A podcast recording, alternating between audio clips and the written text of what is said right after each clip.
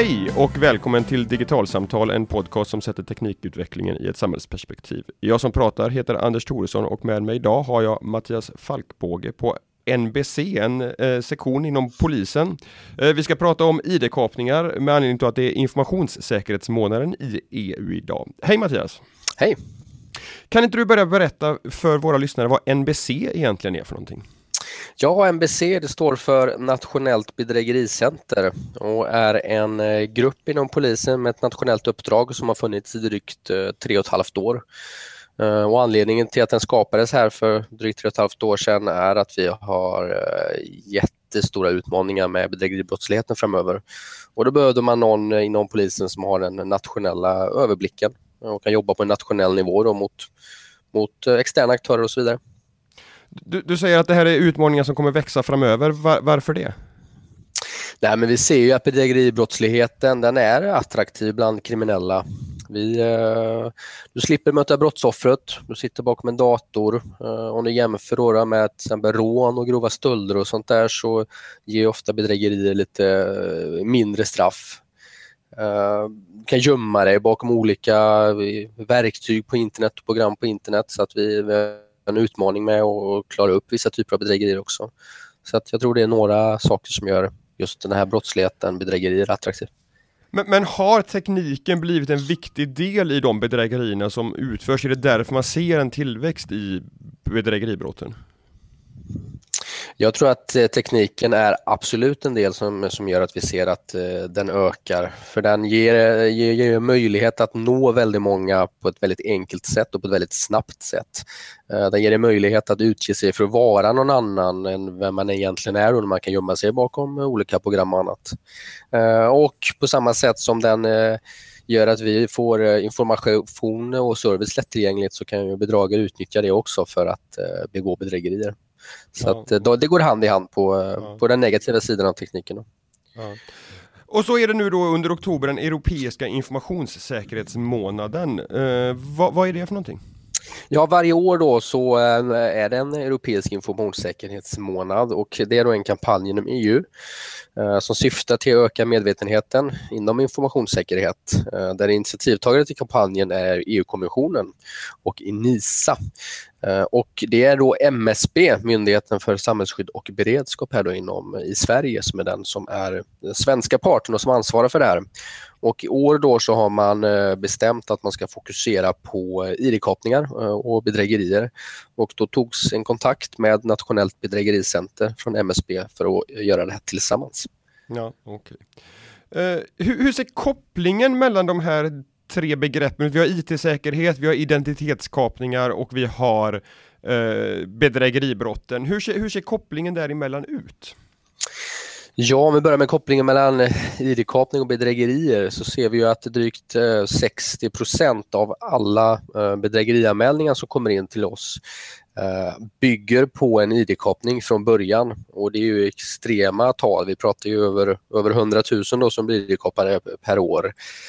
Eh, och då är ju då kopplingen mot IT handlar mycket om att eh, den informationen som man använder för att ID-kapa någon eh, kommer ju ofta från intrång i, databaser och, annat hos företag och myndigheter. Och utifrån den informationen då så kan vara identitetsuppgifter, det kan vara i värsta fall dina bankkortsuppgifter används ju sen då för att begå bedrägerier.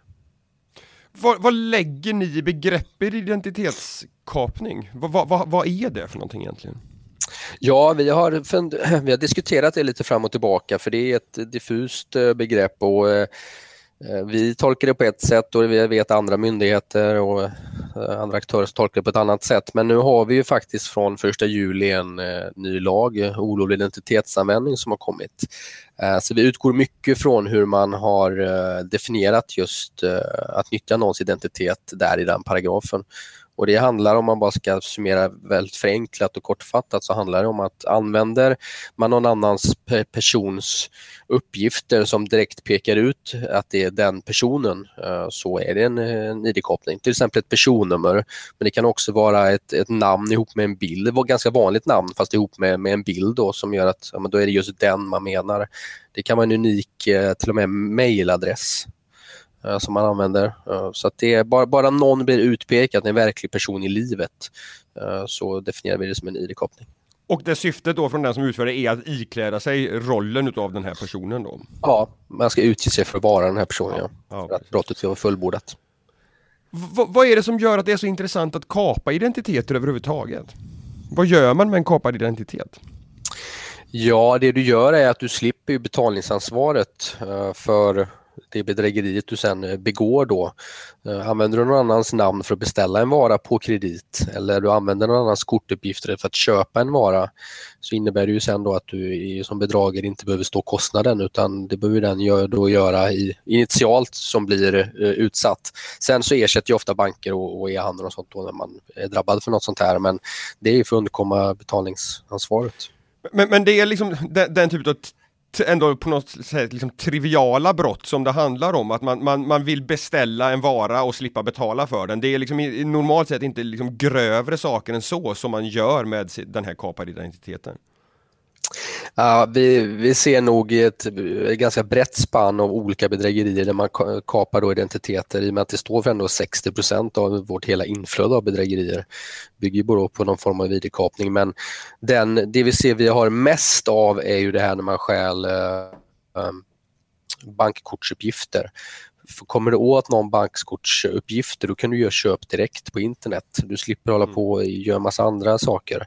Uh, ifall du, du enbart inom situationstecken då har personuppgifter och så vidare så kan du beställa saker på kredit och sen hämta ut varan men då behöver du ett uh, falsklägg eller någonting annat sen i andra hand eller i nästa skede då för att kunna hämta ut den här varan. Så att det enklaste och mest attraktiva är ju att komma åt bankkortsuppgifter. Så att det vi ser är ju egentligen, som du kanske kallar då, de, de, de enklare bedrägerierna i det. Men, men hur kommer man över de kreditkortsuppgifterna? handlar det om att, att, när jag använder mitt kort att, att det liksom är dålig kryptering och att det blir avlyssnat eller är det framförallt liksom intrång i och, och stölder utav hela kreditkortsdatabaser?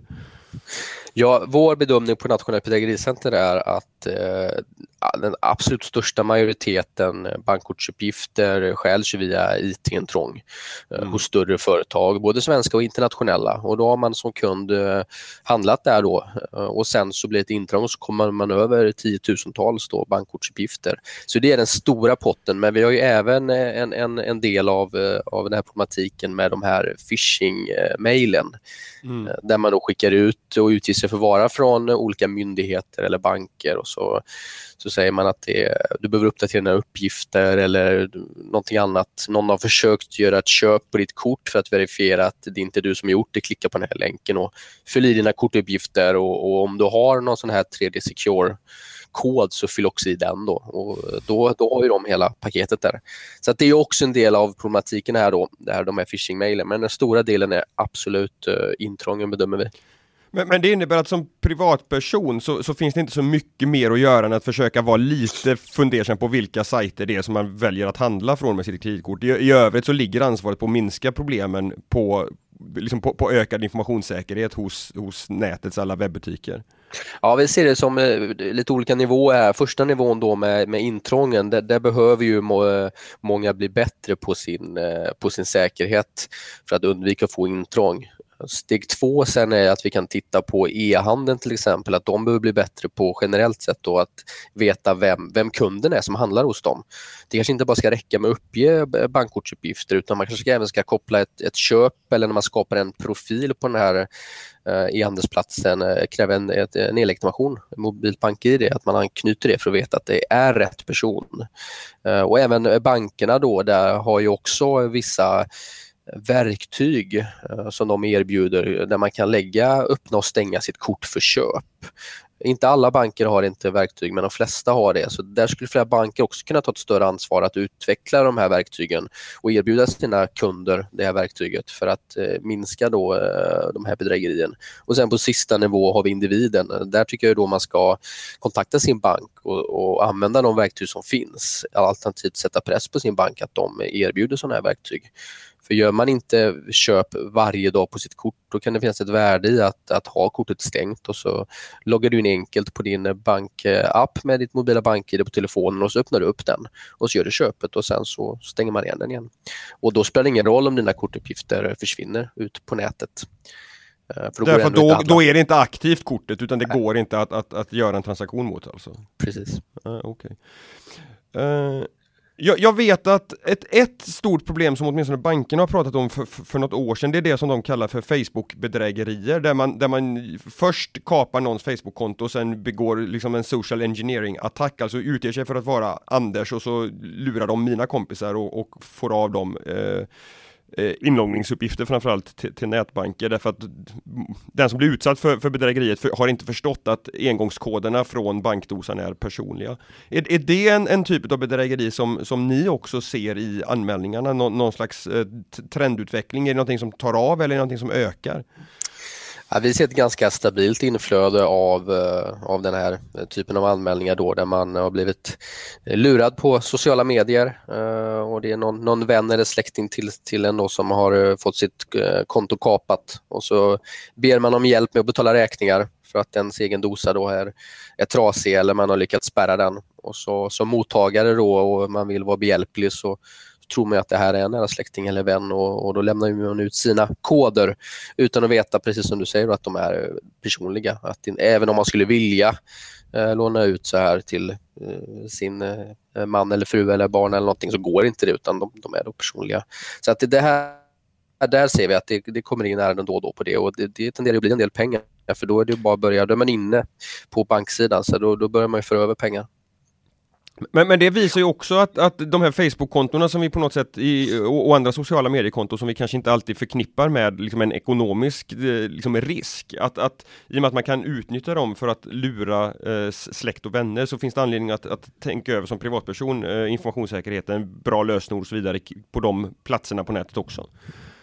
Ja, absolut. Och vi brukar ju eh nu, nu är inte vi på Nationellt bedrägericenter eh, alls några experter på just uh, informationssäkerheten i sig utan det är ju bedrägerierna som vi kan bäst. Mm. Och, så att det här med lösenord och sånt men, uh, är ju en, en del, uh, en, en sak i sig hur man ska tänka men med min kunskap så brukar jag väl tänka själv och, och, säga till dem jag pratar med att är det någonstans man ska ha en bra kod så är det ju på, på mejlen.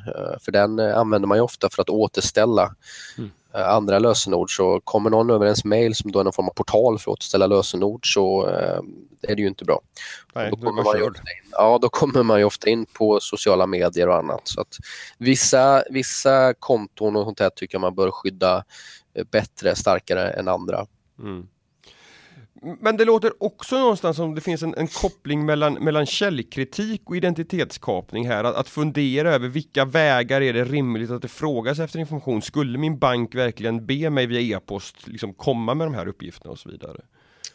Ja, vi har väl två eh, eh just nyckelmeningar som vi försöker förmedla så mycket som möjligt. Och Det ena är ju då att eh, banker och myndigheter frågar aldrig efter dina bankkortsuppgifter Eh, och eh, liknande känslig information via mail via länkar i mail. Så att får du ett, ett sånt mail, då ska du aldrig svara på det och är du minsta osäker på att det kanske skulle kunna vara din bank eller din, eh, någon myndighet så ring upp dem i så fall på, på numret som finns på deras hemsida, inte i mejlet. Så att det är en, en just mening att tänka på att man efterfrågar inte information på det här sättet. Eh, och det andra, om vi ändå är inne på källkritik och annat, handlar ju om de här mejlen med vinster och erbjudanden och så vidare. Att har man inte fått med i någon tävling från uh, något eh, större företag och får ett mejl att grattis, du är en av de få som har vunnit 10 000 presentkort, fyll bara i dina uppgifter här, men då ska man också vara reagera och det ska vara en varningssignal att jag har faktiskt inte deltagit i, i någon tävling. och Det här är liksom lite för bra för att vara sant och, och då är det ofta så. Så det är väl två meningar som vi försöker trycka ut så mycket som möjligt. Lyckas ni med det tycker du? Alltså, här, vad, vad, är den allmänna bilden från, från ert håll? Hur, hur medvetna är svenskarna om de här eh, problemen som finns? Jag tror att vi blir mer och mer medvetna kring det här men svårigheten är att, att omvandla på något sätt den här medvetenheten till, till ett agerande eller till ett eh, icke-agerande, att man inte ska gå vidare. För på något sätt så är det, det är inbyggt i människan att har man en möjlighet att göra ett bra klipp, en bra deal, ett bra köp, eh, blir man lite pressad, stressad för att eh, någon bank eller någonting annat säger att ens kortuppgifter har blivit kapade och man måste uppdatera, då är det lite mänskligt att liksom, agera reagera på det här.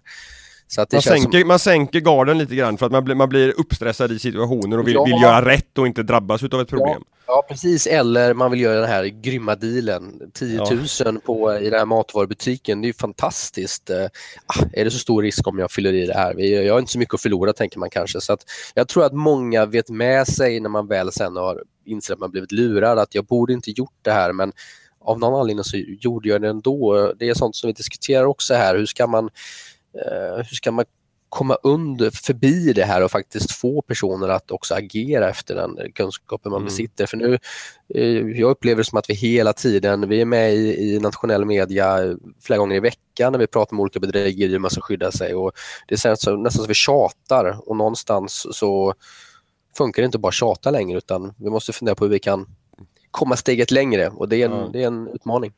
Hur, hur svåra är de här brotten för er att utreda? Ja, det beror helt på eh, vilken typ av bedrägeri det är. Eh, har vi bedrägerier där man hämtar ut varor till exempel eller bedrägerier där pengar sätts in på konton som är kopplade till personer så har vi ju en, en första ledtråd att gå på på något sätt. Då kan vi titta, finns övervakningsfilm, vi kan titta vem som äger kontot och så vidare. Så där, där har vi ju eh, framgångar och, och, förutsättningar. Men andra bedrägerier då till exempel när man har stulit kortuppgifter och gör köp på utländska eh, sajter och ännu värre då om det inte är varor som sedan skickas som vi kan försöka följa utan det är tjänster man får ja, eller appar eller spel eller någonting. Då är det ju extremt svårutrett. Mm. Och dessutom så är det ju eh, i sammanhanget här då när vi pratar om eh, miljarder som, som försvinner då varje år med bedrägerier och id-kapningar. Pratar vi då köp på några hundralappar så, så är det i det stora hela inte sånt som som väger så tungt med att skicka internationell rättshjälp och, och, och, börja hålla på då med att försöka hitta företaget i utlandet via polismyndigheterna där och så vidare, åklagarmyndigheten. Så eh, det, det, det, är en utmaning i den typen av brottslighet. Mm. Vad, vad, vad, ser du, du har varit inne på det lite grann, men vi kan ta det igen. Vad, vad, finns det för saker som, som samhället i stort, myndigheter, banker, företag och organisationer kan göra för att försvåra för, för ID-kaparna att lyckas med sina liksom först ID-kapningar och sen det efterföljande bedrägeriet? Ja, det är ju eh, de facto är det ju så att många fler behöver göra mycket mer. Eh, för det här är ett samhällsproblem som, som växer och som inte kommer försvinna av sig själv. Eh, och vi ser ju en utveckling där det ökar med 10-15 procent här varje år sedan ganska många år tillbaka i antal anmälningar vi får in. Och det är väldigt mycket pengar i det här så att det här måste man jobba på på alla nivåer. Allt från politiker och myndigheter när man tittar på lagstiftning, där man tittar på det här med alla våra identitetshandlingar, ID-korten. Vi har jättemånga ID-kort, jättesvårt för de som är ute i, handeln och lämnar ut paket och annat eh, ombud att faktiskt veta om det är en eh, falsk identitetshandling eller äkta. Det, det, finns för många olika fysiska utformningar på dem alltså, så ja. man kan inte liksom hålla, hålla koll på hur, vad, vad är egentligen ett godkänt ID-kort?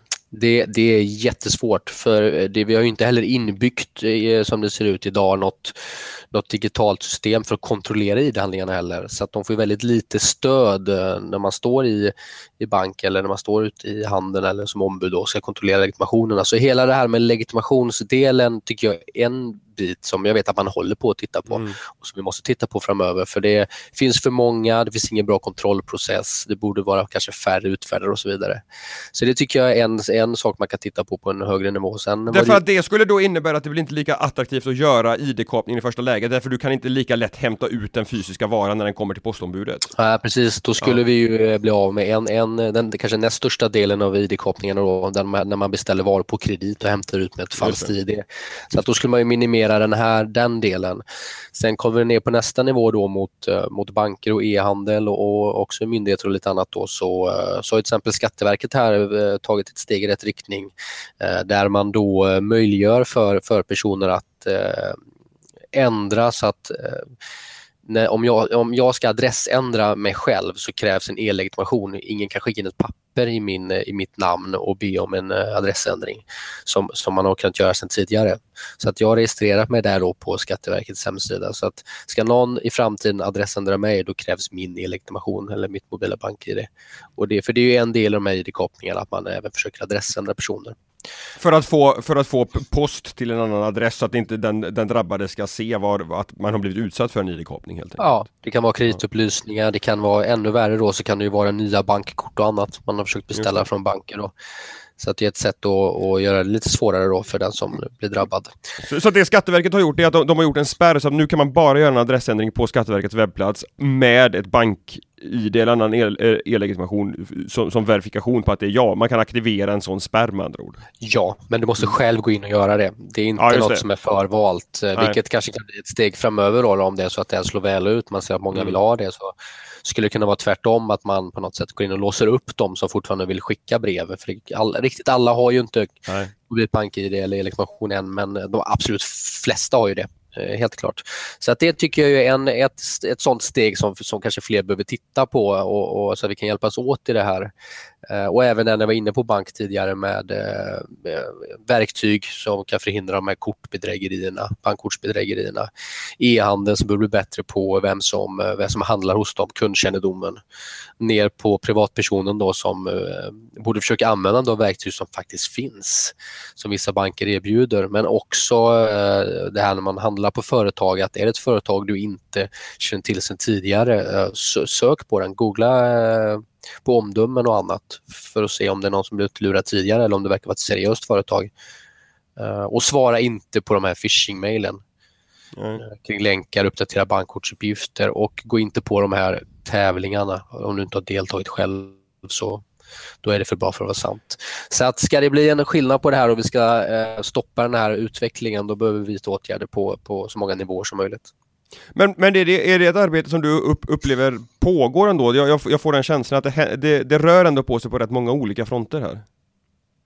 Ja, det upplever jag. Senast, eh, kanske jag ska säga att ett, två åren här så, eh, så jobbar man mot det här på väldigt många olika nivåer. Vi blir uppvaktade av olika departement och vi, eh, eh, vi, har, vi har myndighetssamverkan och, och sådär. Så att eh, fler eh, tittar på det här och försöker hitta möjligheter för eh, många också gör ju stora förluster om man tittar på näringslivet. Så att, eh, de är, har ju också ett egenintresse att, att minska den här brottsligheten. För, för den, är, den göder ju också den grovt organiserade brottsligheten som en bas. Så att det, det här kan ju inte fortgå, den här utvecklingen, utan vi måste bromsa den.